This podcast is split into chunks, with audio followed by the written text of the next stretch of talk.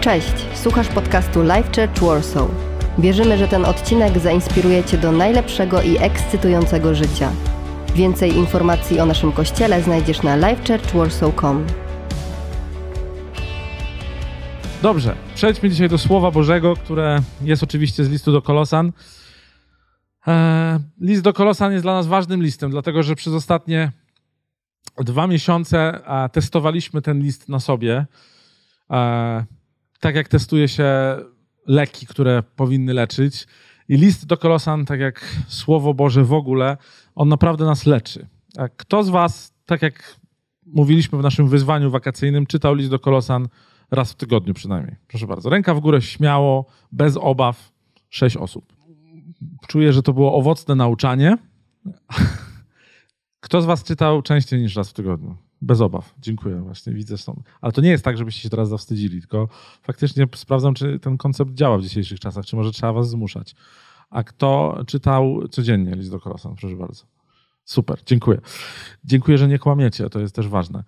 List do Kolosan jest niesamowitym listem w ciele, w ciele Chrystusa, w kościele Chrystusa historycznie, dlatego że ten list został napisany do kościoła, który jest bardzo podobny do takiego kościoła, którym my jesteśmy dzisiaj w Warszawie. Kolosy to, były kości, to było duże miasto, w którym kościół do Kolosan potrzebował bardzo dużo informacji i prowadzenia od kogoś, kto spotkał Chrystusa i potrafił pomóc ludziom odróżnić dobre informacje od złych informacji. Fake newsy od autentycznych newsów. Jeżeli chciałbyś zapoznać się głębiej z tym, o czym mówię, e, wszystko mamy na naszym Spotify, na naszym iTunes, na naszym podcaście.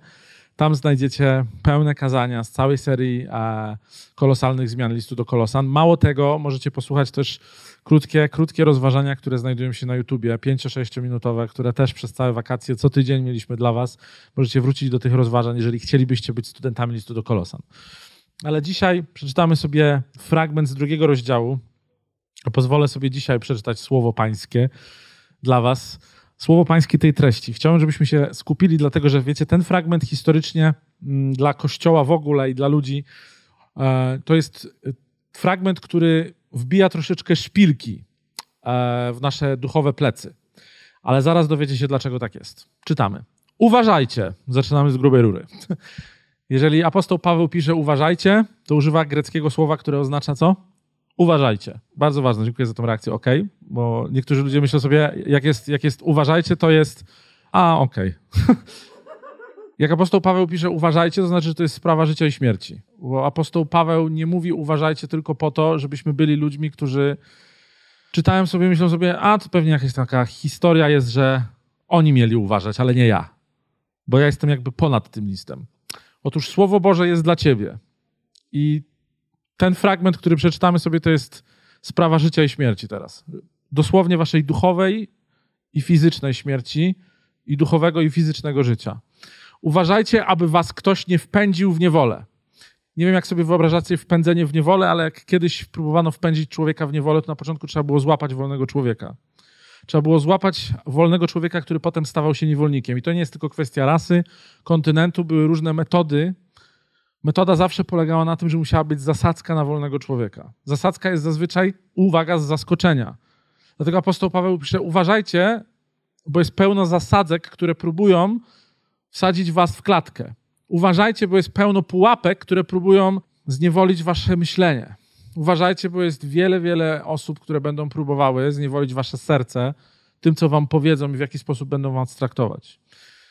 Uważajcie, aby ktoś was nie wpędził w niewolę zręcznie, czyli ktoś, kto ma bardzo dużo skilli, bardzo dobry level, wysoki poziom manipulacji, manipulując rzekomą nauką, mówiąc wam, słuchaj, to co mówi Biblia to jest przecież starodawne i niemodne, a ja ci daję tutaj perspektywę ludzkości na nowo, przecież żyjemy w czasach nauki, żyjemy w czasach szkiełka i oka, przecież wszystko trzeba dowieść, przecież to, co Bóg mówił nam kiedyś, w tych starych księgach, zakurzonych księgach, takimi jak na przykład Nowy Testament czy Stary Testament, to nie ma mniejszego sensu dzisiaj, bo przecież jesteśmy wolnymi ludźmi, którzy mają naukę do swojej dyspozycji, nauki społeczne. Przecież wszyscy jesteśmy już hop, siup do przodu z naszym człowieczeństwem. To jest to, co apostoł Paweł pisze, dlatego że on już w tamtych czasach widział filozofów, którzy próbowali absolutnie manipulować treścią po to, żeby zniewolić człowieka. Nauki opartej na ludzkiej tradycji oraz na zasadach, które rządzą światem, a nie opartej, uwaga, na Chrystusie. Dlaczego to jest ważne? Dlatego, że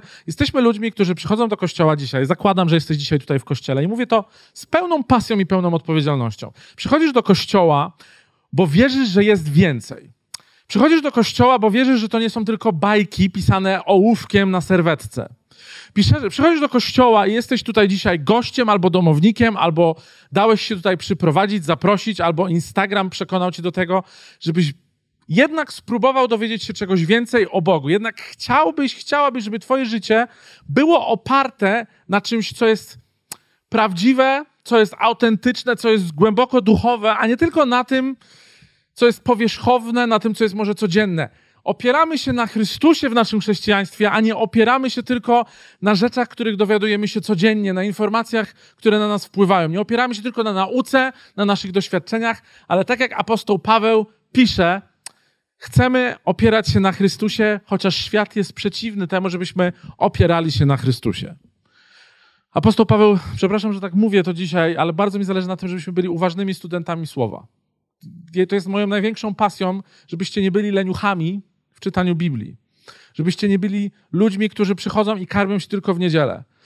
Moja mała Zosia, moja córeczka, którą kocham nad życie, kocham to mówić, ona ma taką zabawkę, którą jej kupiłem. To jest kosiarka, która nie kosi trawy. To jest kosiarka, która nie kosi trawy, ale uwaga, robi bańki mydlane.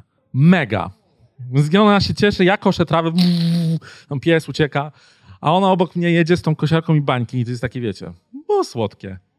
Ale kosiarka niestety nie robi baniek, jak wiatraczek nie działa, bo nie ma baterii. I wtedy Zosia mówi, nauczyła się nowych słów, ma 22 miesiące, mówi, nie ma. No mówię, tata nie ma. Ja mówię, no nie ma, bo nie ma baterii. Jak przychodzisz w niedzielę i słyszysz o cudach i słyszysz o tym, że ludzie się opierają na Chrystusie i szukasz czegoś duchowego, ale przychodzisz tylko raz w niedzielę, żeby półtorej godziny nakarmić się, a potem znikasz w tygodniu i myślisz sobie, Bóg jakoś nie działa w moim życiu, nie odpowiada na moje modlitwy, nie widzę tego działania duchowego w moim życiu, bo nie ma, bo nie dajesz sobie baterii, tylko wyjmujesz te baterie często po takim spotkaniu, nabożeństwie jak to i od poniedziałku do piątku zaczynasz funkcjonować jak człowiek, który żyje bez Boga, który wyjął sobie baterie duchowe, odciął się od tego wszystkiego, co mówi Biblia. Jesteś człowiekiem, który generalnie nie doświadcza czasami działania Boga.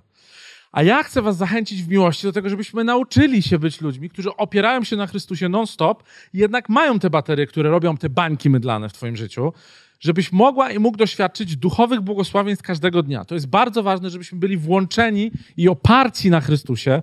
Przecież to w Nim sprowadzona do cielesnej postaci, mówi apostoł Paweł dalej o Chrystusie, przecież to w Chrystusie sprowadzona do cielesnej postaci, czyli widoczna przed naszymi oczyma, zawiera się cała pełnia boskości. Co znaczy, że Jezus, który chodził po ziemi, na którym my możemy się oprzeć, prezentuje wszystko, co Bóg ma do zaprezentowania swoim charakterem, swoją łaską, swoją sprawiedliwością, swoją mocą. Czyli Chrystus dla nas dzisiaj jest wyznacznikiem Boga w całości. Amen? Amen. To znaczy, że jeżeli jesteśmy dzisiaj ludźmi, którzy słyszą, że hej, wierzę w Boga, i mówią ci kto, i mówi ci to ktoś na przykład, ja, ja też jestem wierząca. Że cześć, ja chodzę do kościoła, wierzę w Chrystusa, a ja też wierzę w Boga. To nie oznacza, że zawsze opierają się w Chrystusie, na, w, Chrystusie na pe w pełni, dlatego że mogą być ludźmi, którzy prezentują tą pierwszą część wypowiedzi, są bardziej ludźmi, którzy znają Boga, ale bardziej opierają się na tradycjach, ludzkich manipulacjach, sprytnym myśleniu człowieka, które próbuje wprowadzić nas w duchowy błąd najgorzej w życiu jest, kochani, być w duchowym błędzie, dlatego że wtedy nie opieramy się na Chrystusie, ale opieramy się na ludzkich wymysłach, które nie dają nam duchowego życia, nie produkują nam baniek mydlanych. Jesteśmy wtedy ludźmi, którzy błądzą, chociaż mają przed sobą pełnię boskości zaprezentowaną w osobie Jezusa Chrystusa. Najbardziej na świecie mnie Maćkowi Liziniewiczowi, na drugie mam Robert, mnie Maciejowi Robertowi Liziniewiczowi Zależy na tym, żeby każdy, kto jest domownikiem Life Church Warsaw, każdy, kto nas odwiedza, jeżeli nic nie zapamiętacie z tego kazania, jeżeli w ogóle jesteś tutaj przez 5 lat i nic nie pamiętasz z jakiegokolwiek nauczania, czy to było na live grupach u Marka Kostrupca i Moniki, czy to było na jakichś naszych team nightach, czy to było online, czy to było w niedzielę, najważniejsze jest, żebyś zapamiętał, kim jest Chrystus i co Chrystus jest w stanie zrobić dla ciebie. Dlatego, że czasami jesteśmy ludźmi, którzy uważani są za religijnych, którzy mają zasady, którzy mają przyjaciela w niebie, niewidzialnego przyjaciela w niebie, jak cynicznie mówią o nas ludzie w świecie. I muszę was niestety poróżnić tutaj ze światem, chociaż unikałem tego tematu przez wiele, wiele lat. Ale jestem już w takim miejscu zmęczenia, brakiem duchowej produktywności, brakiem tego, że czasami widzimy owoce duchowej transformacji, bo jesteśmy jak chrześcijanie, którzy wyjmują sobie duchowe baterie i w tygodniu czekamy, aż ktoś nas nakarmi następną niedzielę. Albo może przyjdziemy w poniedziałek na jakąś grupę, gdzieś ktoś czyta Biblię, bo sami nie wiemy za bardzo, jak ją studiować. Nie wiemy za bardzo, jak się modlić. I teraz uwaga, nie wrzucam na was nic ciężkiego, ja po prostu próbuję was zachęcić do tego, żebyście oparli się na Chrystusie, w którym zaprezentowana jest pełnia Pana Boga. Czy to jest niepiękne? Czy to jest niepiękne, ale powiedziałem niegramatycznie. Czy to nie jest piękne, że mamy Boga, którym, uwaga, ja to podkreślę jeszcze swoim palcem, zaprezentowana jest pełnia boskości. W nim też, uwaga, dostąpiliście napełnienia w tym, który jest głową wszelkiej zwierzchności i władzy. Okej, okay, to jest bardzo trudny fragment, już tłumaczę. W nim też, w Chrystusie, który ma wszystko, czego potrzebujemy do życia, żeby zrozumieć Boga w naszym życiu. W nim też jesteśmy, uwaga, napełnieni, ponieważ On jest głową, która rządzi całym światem. Każdy król, prezydent, premier, każdy człowiek, który ma pieniądze, każdy człowiek, który tych pieniędzy nie ma, matka i ojciec, każda osoba jest zależna od Chrystusa. Każdy z nas jest zależny od Chrystusa, niezależnie od tego, czy są buddystą, czy muzułmaninem, niezależnie od tego, czy są ateistami, agnostykami, czy są ludźmi poszukującymi swojej seksualności. Nie ma to znaczenia, dlatego że wszyscy jesteśmy stworzeni przez Boga, chociaż ten świat próbuje nam powiedzieć zupełnie coś innego. Wszyscy należymy do Chrystusa i wszyscy możemy tego Chrystusa znaleźć. Ludzie są, uwaga, to jest bardzo ważne, ludzie są zgubieni nie dlatego, nie dlatego, że chcą być zgubieni. Ludzie są zgubieni dlatego, że żyjemy na świecie, w którym bardzo dużo ludzi wpadło w niewolę. Pokoleniowo rodzą się w mentalu, który uczy ich tego, że często Boga nie ma, Bóg nie działa, Bóg nie jest po ich stronie. Jeżeli tak jak ja, byłeś katolikiem, jeżeli tak jak ja, uwaga, byłeś człowiekiem, który nie rozumiał za bardzo tego, czym jest Ewangelia przez lata, jesteś ofiarą systemu religijności, który panuje na całym świecie, nie tylko w naszym kraju, który nie tłumaczy nam mocy Ewangelii i tego, że Chrystus, niesamowity Chrystus, który jest reprezentacją pełni Boga, jest po Twojej stronie.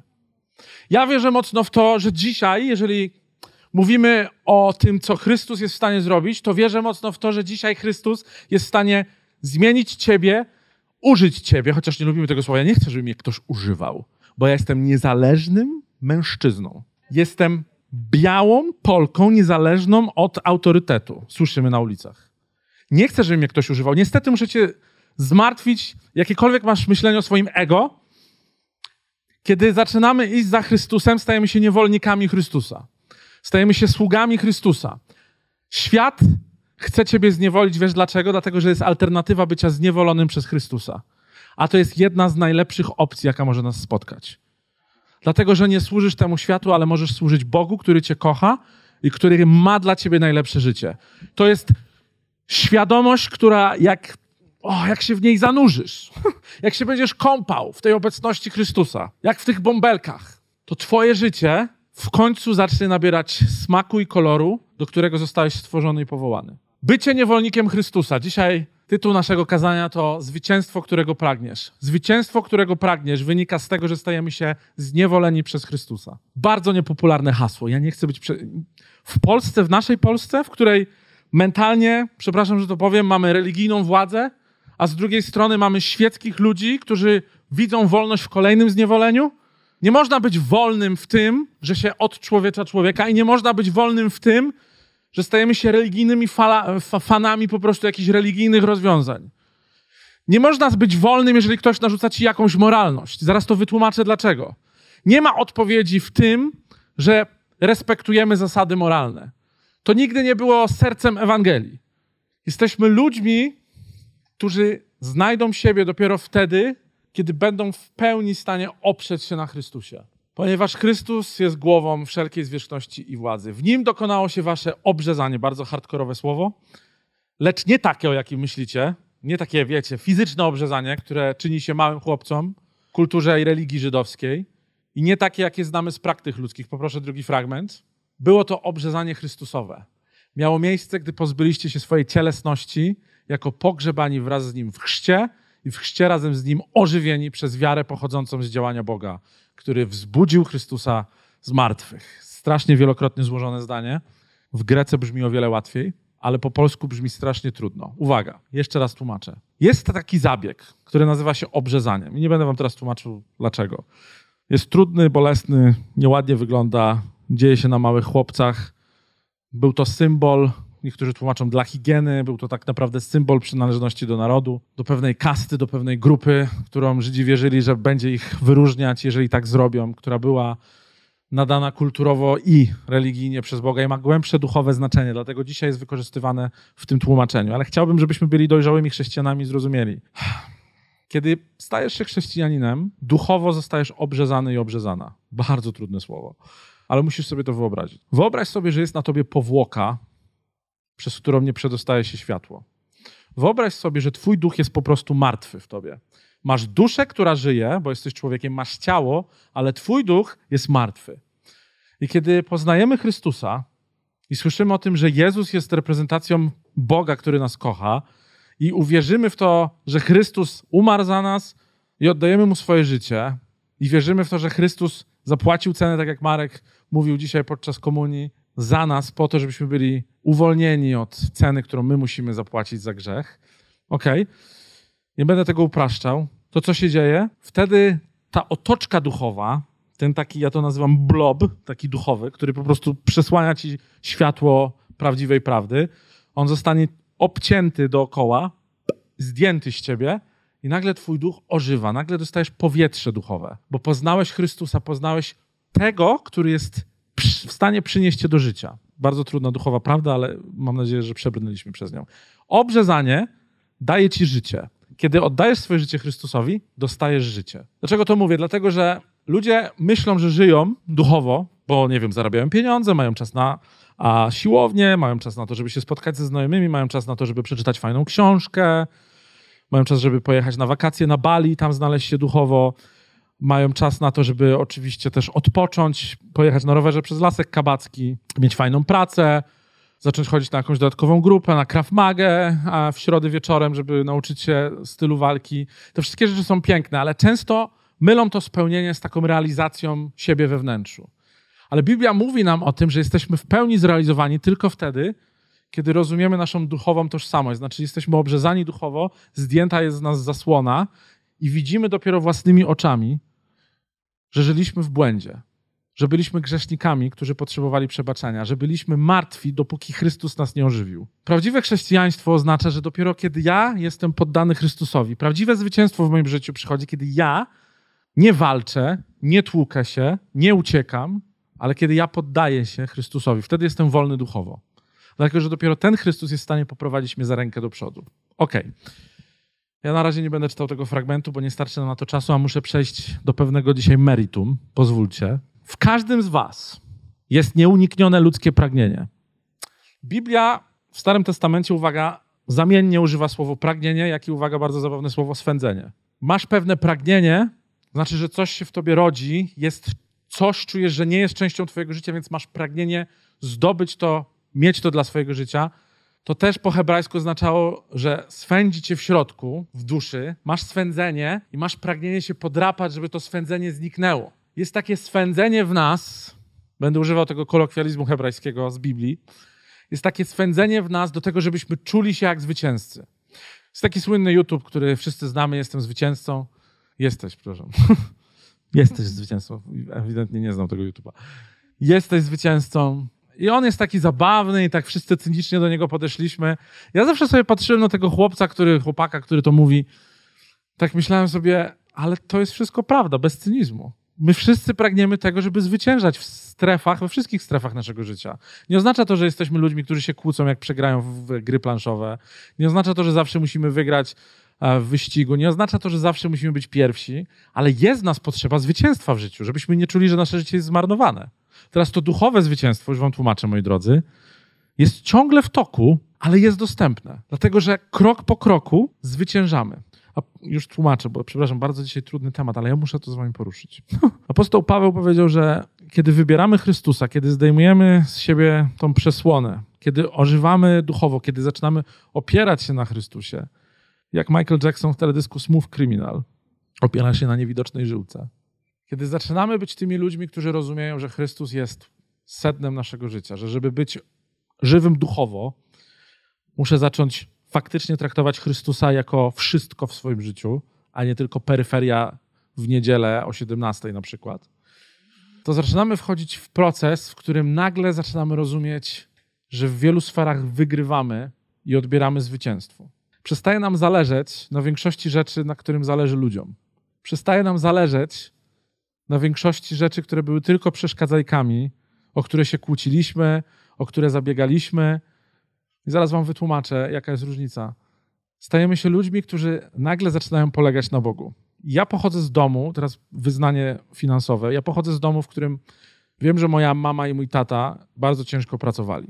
Wiem to, zawsze tego doświadczałem. Nigdy nam niczego nie brakowało. Nie chodziłem głodny, ale wiem, że pieniądze zawsze były problemem. Wiem, że to jest po prostu zmaganie człowieka, że często, kiedy wychodzisz z miejsca, w którym nikt nie uczy cię wolności finansowej, nikt ci nie daje narzędzi do tego, żebyś nauczył dobrze się dysponować finansami, pomnażać je, a nie tylko czekać na wypłatę i być zależnym od tych wszystkich mechanizmów, które są w świecie. Zawsze będziemy ludźmi, którzy będą uzależnieni, będą mieli poczucie braku i będą próbowali ten brak jakoś nasycać z innych źródeł. Ja odziedziczyłem takie myślenie. I kiedyś przez prawie dwa lata studiowałem perspektywę tego, co Bóg ma do powiedzenia w Biblii na temat finansów. Słuchałem mądrych ludzi, którzy przynosili ogromne owoce i powiem wam, jakie są owoce tego po 10 latach. Owoce są takie, że kiedy nie staram się, ale polegam na Bogu, zawsze zarabiam więcej niż kiedy się staram i tyram. I nie mówię tego dla tych wszystkich, którzy ciężko pracują, żebyście mnie nie zrozumieli. Żebyście teraz wszystko rzucili powiedzieli, szefie, rezygnuję z pracy, ufam Bogu. To nie o to mi chodzi, to nie jest to. Raczej mi chodzi o to, że kiedy mówię sobie Bogu, Boże, nie będę służył pieniądzom i one nie będą moim celem, oddaję lęk przed brakiem posiadania pieniędzy, ale zaufam Tobie, wiem, że masz o wiele większy plan niż to, żebym się martwił o pieniądze każdego dnia. Kiedy przestaję się opierać na filozofiach tutaj świata, zaczynam opierać się na Chrystusie, to Bóg nagle mnoży to, czego nie mam. tak samo było w moim małżeństwie. Próbowałem wielu rzeczy, a moje małżeństwo nie działało w wielu sferach. Po 16 latach mieliśmy parę dni temu naszą 16. rocznicę ślubu.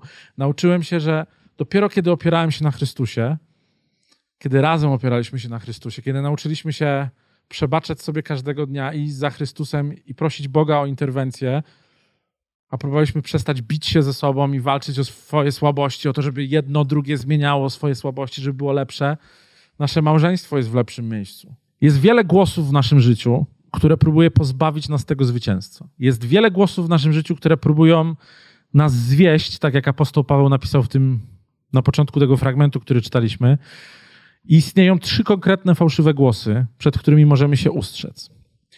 Są takie trzy głosy w naszym życiu, które naprawdę sprawiają, że nie jesteśmy w stanie odebrać w pełni swojego zwycięstwa w Chrystusie. Pierwsze, pierwszy głos, głos ucieczki. Głos ucieczki może wyglądać tak. A, nie, nie, poddaję się. Nie mam siły do tej osoby, nie mam siły do tej żony, nie mam siły do tego męża, nie mam siły do tego kościoła, nie mam siły do tej pracy, nie mam siły do tych ludzi, nie mam siły do siebie, więc się zaneguję. Nie, nie będę o siebie walczył. Uciekam. Nie idę do terapeuty, nie będę z nikim rozmawiał o swoich problemach, nie będę próbował znaleźć wspólnego gruntu z osobą, z którą kiedyś mi się układało, a dzisiaj nie wiem, co się dzieje. Ucieczka może też polegać na tym, że tak, mam problem z pieniędzmi, ale zajmę się tym jutro. tak, mam problem z tym i z tym w moim życiu. Wiem, że te rzeczy mnie uzależniają, wiem, że te rzeczy zniewoliły moje myślenie ale jestem tak zajęty, że nie mam czasu o tym myśleć. Jest głos ucieczki, który będzie próbował zamiast prawdy, zamiast konfrontacji, pomóc ci uciec. I chcę wam powiedzieć, że to jest fatalne, to jest diabelska pułapka, nazwę to tak kolokwialnie. Ta diabelska pułapka sprawia, że zamiatamy wszystko pod dywan naszego duchowego życia. Próbujemy to uklepać, ale wiecie, im więcej się zamiata, tym się zaczynają robić takie wydmy na dywanie, jak ja to nazywam. I ty wiesz, że już nie jesteś w stanie więcej chodzić. I w końcu się z ciebie wylewa. W końcu już nie masz siły. W końcu jesteś pasywną, agresywną osobą, która skumulowała w sobie tyle kłamstw i tyle rzeczy, z którą sobie nie radziła. A przyjście do Chrystusa, szczere wyznanie problemu, jest jedną z najpiękniejszych rzeczy. Ja jako pastor wielu z was dzisiaj, może dzisiaj jestem gościnnie dla ciebie pastorem, przyszedłeś, przyszłeś nas posłuchać. Jestem człowiekiem, który zmagał się i do dzisiaj się zmaga z wieloma rzeczami ale nauczyłem się jednej bardzo ważnej dyscypliny. Nie uciekam od swoich problemów. Bardzo łatwo jest negować rzeczy, bardzo łatwo jest w dzisiejszym świecie, tak jak się uczymy, udawać, że jest się kimś innym niż naprawdę się jest. Udawać, że nie ma się problemu, uśmiechać się i nie opierać się na Chrystusie. Jak ja zaczynam mieć problem, na przykład powiem wam teraz, chcę, żebyście wiedzieli, że to jest kościół dla człowieka i nawet pastor w nim jest człowiekiem. Kiedy źle mi się dzieje, jest taka dziura w moim charakterze każdy z nas ma takie dziury. Teraz tak się tłumaczę. Ty, ja też mam tu dziurę, ale ty też masz tu dziurę. Mam taką dziurę w swoim charakterze i ta dziura oznacza, że jestem autoagresywny w stosunku do siebie. To jest pewnie jakaś rzecz, której nabawiłem się może w dzieciństwie. Różni terapeuci mają, psycholodzy i psychiatrzy będą mieli różne teorie na tym świecie, na takie rzeczy. Ale jest coś we mnie, co sprawia, że jestem autoagresywny w stosunku do siebie. Co oznacza tylko tyle, że wiecie, czasami się tak uszczypnę, żeby o, ty głupku. Używam tutaj gorszego słowa. Jestem autentyczny teraz jak tylko mogę, bo myślę sobie, mamy bardzo krótkie życie, kochani. Bardzo krótkie życie. Prawda? I moi przyjaciele, którzy są tutaj obecni, wielu z was mnie zna, wiedzą, że ostatnia rzecz, jakiej nie robię, to nie jestem autentyczny. Więc jestem autoagresywny w stosunku do siebie. Bo czasami wierzę w kłamstwa tego, że jestem sam. Że Bóg mnie nie kocha że jak zawaliłem, to zawaliłem na amen. Że jak popełniłem błąd, to jestem błędem. I wiecie, czasami myślę, a ty głupku, znowu zrobiłeś ten błąd. Staję czasami przed lustrem i myślę, a nie mogę na siebie patrzeć. Ty rudy brodaczu. Nieogolony kuptasie. Zmiękczam wersję, żeby nie było. Potem na nagraniu audio. I nie mówcie mi, że jestem sam. Mówię wam, że to jest właśnie ucieczka przed tym, żeby przyjść do Chrystusa i powiedzieć mu, Chryste, ja już naprawdę nie mam siły. Trzy tygodnie temu musiałem uklęknąć w swojej łazience, kiedy moja żona już spała, była pierwsza w nocy, moje dziecko już spało, mój pies chrapał, bo ja mam, takie chrapią, mam takiego chrapiącego psa. Myślę sobie, w końcu mogę zrobić coś, czego bardzo potrzebuję. Uklęknąłem, uklęknąłem w łazience, zawinięty ręcznikiem, żebyście sobie nie wyobrażali. A teraz sobie zaczęliście właśnie. I powiedziałem, Panie Jezu, już nie mam do siebie siły. I zacząłem płakać bo cały czas uciekam, kiedy się zapętlę, a potem dopiero sobie przypominam, Boże, jakie to jest proste, przecież wystarczy, że się oprę na Tobie. Powiedziałem, Duchu Święty, a weź Ty przejmij te wszystkie moje słabości. Zabierz te wszystkie kłamstwa, a weź Ty znowu zmiękcz mój twardy, głupi charakter. Tak bardzo Cię potrzebuję, tak bardzo nie chcę mieć problemów, nie chcę kłamać sam sobie w twarz, nie chcę być osobą, która jest słaba psychicznie. Tak bardzo potrzebuję znowu się oprzeć na Ciebie. To jest ten pierwszy głos. Drugi głos to jest głos nadwyżki. Muszę mieć więcej niż potrzebuję. Więcej kasy, więcej relacji, więcej wpływu, więcej lajków, więcej bezpieczeństwa. Ja już sobie tak nazbieram na lata, poukładam sobie plan na całe życie. To będzie bezpieczniej. To mam nadwyżkę bezpieczeństwa, bo sobie zaplanowałem kilka najbliższych miesięcy. W tej pracy będę trzy lata, potem dziecko, potem wakacje, to są moi przyjaciele, mam nadzieję, że to przyjaciele na całe moje życie. Taka nadwyżka to jeszcze sobie wezmę w razie czego drugich przyjaciół. I tak sobie z nadwyżką buduję i tak się otaczam, potem jest krach, nienawidzę was, nienawidzę tej pracy. Bo tak w nadwyżce sobie budowaliśmy nasze życie i wiecie co, to jest kolejna fałszywa filozofia. Nie jesteś w stanie zaplanować swojego życia. Jesteś w stanie mieć w kalendarzu rzeczy, jesteś w stanie być kompetentną osobą, administracyjnie ogarnąć swój dzień po dniu. To jest bardzo ważne, żebyś się nie spóźniał, żebyś była na czas, żebyś był osobą, na której można polegać, żebyś wiedziała, jakie rzeczy robisz w tygodniu, w miesiącu, ale proszę cię, nie buduj na tym swojego życia, nie buduj nadwyżki finansowej, nie buduj nadwyżki bezpieczeństwa na rzeczach, które nie wiesz, czy się wydadzą. Ja się zaczynam opierać na Chrystusie. Trzy miesiące temu nie wiedziałem, że jeszcze będziemy mieli budynek, a modliliśmy się o niego siedem lat. I byłem już w takim miejscu po tej pandemii jako pastor, myślę sobie, nie, rzucam to. Rzucam to, Panie Boże, nie wiem o co chodzi, znowu jesteśmy kościołem nomadów, wracamy, teraz nie wiadomo ile będzie osób, 3 czy 10. Mieliśmy taki dobry kościół, 150 osób, w porywach do 170. Przyszła pandemia i nic. I myślę sobie, Boże, nie mam siły. I miałem tą nadwyżkę zbudowaną w swojej głowie, że to nazbieraliśmy, to nazbieraliśmy. Potem wszystko padło, ludzie się wyizolowali, zaczęliśmy się bać wirusa i siebie nawzajem przy okazji. A potem stwierdziłem, nie, dobra. Myślę sobie, Panie Boże, bardzo potrzebuję przełomu. Znowu się oparłem na Chrystusie. Myślę sobie, a weź zrób coś takiego, co mnie zaskoczy. A weź coś zrób takiego, co nas zaskoczy w ogóle w 2021. Trzy dni później znaleźliśmy budynek. I ostatni głos to głos zarobienia się na siłę. Jestem zarobiony. Mam tyle rzeczy w życiu. Weź ogarnij pracę, dom, socjal. Biegaj po kabatach dwie godziny, bądź fit. Jedz zdrowo, detoks jaglany. Idź do kina, obejrzyj Netflix, cały serial, przeczytaj książkę. A weź bądź w kościele, dwa nabożeństwa naraz. Dzisiaj będę tutaj rano, a tutaj wieczorem. A jeszcze bym chciał to, jeszcze bym chciał. A nie mam czasu na kościół, a nie mam czasu na żonę, nie mam czasu na ludzi, nie mam czasu na siebie, nie mam czasu na Boga. Jak mogę czytać Biblię, jak wyszedł nowy sezon? Sezon. Sezon. Jesteśmy zarobieni nie wiadomo po co. Nie wiem, ile wam życia zostało, ale mi zostało bardzo mało. Mi zostało, myślę sobie, zdrowego życia, takiego w tym ciele, które mam od Pana Boga, które niestety umiera po ludzku. Jak o siebie zadbam, to może mi zostało z 45 lat. A mam już 37. I myślę sobie, i naprawdę, faktycznie po 30 człowiek się budzi raz w tygodniu z nowym bólem. Teraz mnie noga boli, nie wiem dlaczego. Może za długo na nie stoję. Mamy bardzo mało życia. Bardzo mało życia. Po co jesteście tacy zarobieni? Skoro możemy się oprzeć na Chrystusie dzisiaj. Na sam koniec, zanim zaśpiewamy tą piosenkę. Weźcie, wyjmijcie swoje komórki na chwilę, proszę was. Wyjmijcie telefon i otwórzcie sobie aplikację z notatkami. Nie wiem, czy na iPhone'ie, czy na Androidzie, czy może na waszym Windows Phone, a może ktoś ma Nokię, to wtedy nie otwieraj węża. Wszyscy macie telefon z notatkami? Nie piszecie notatek w SMS-ach, prawda?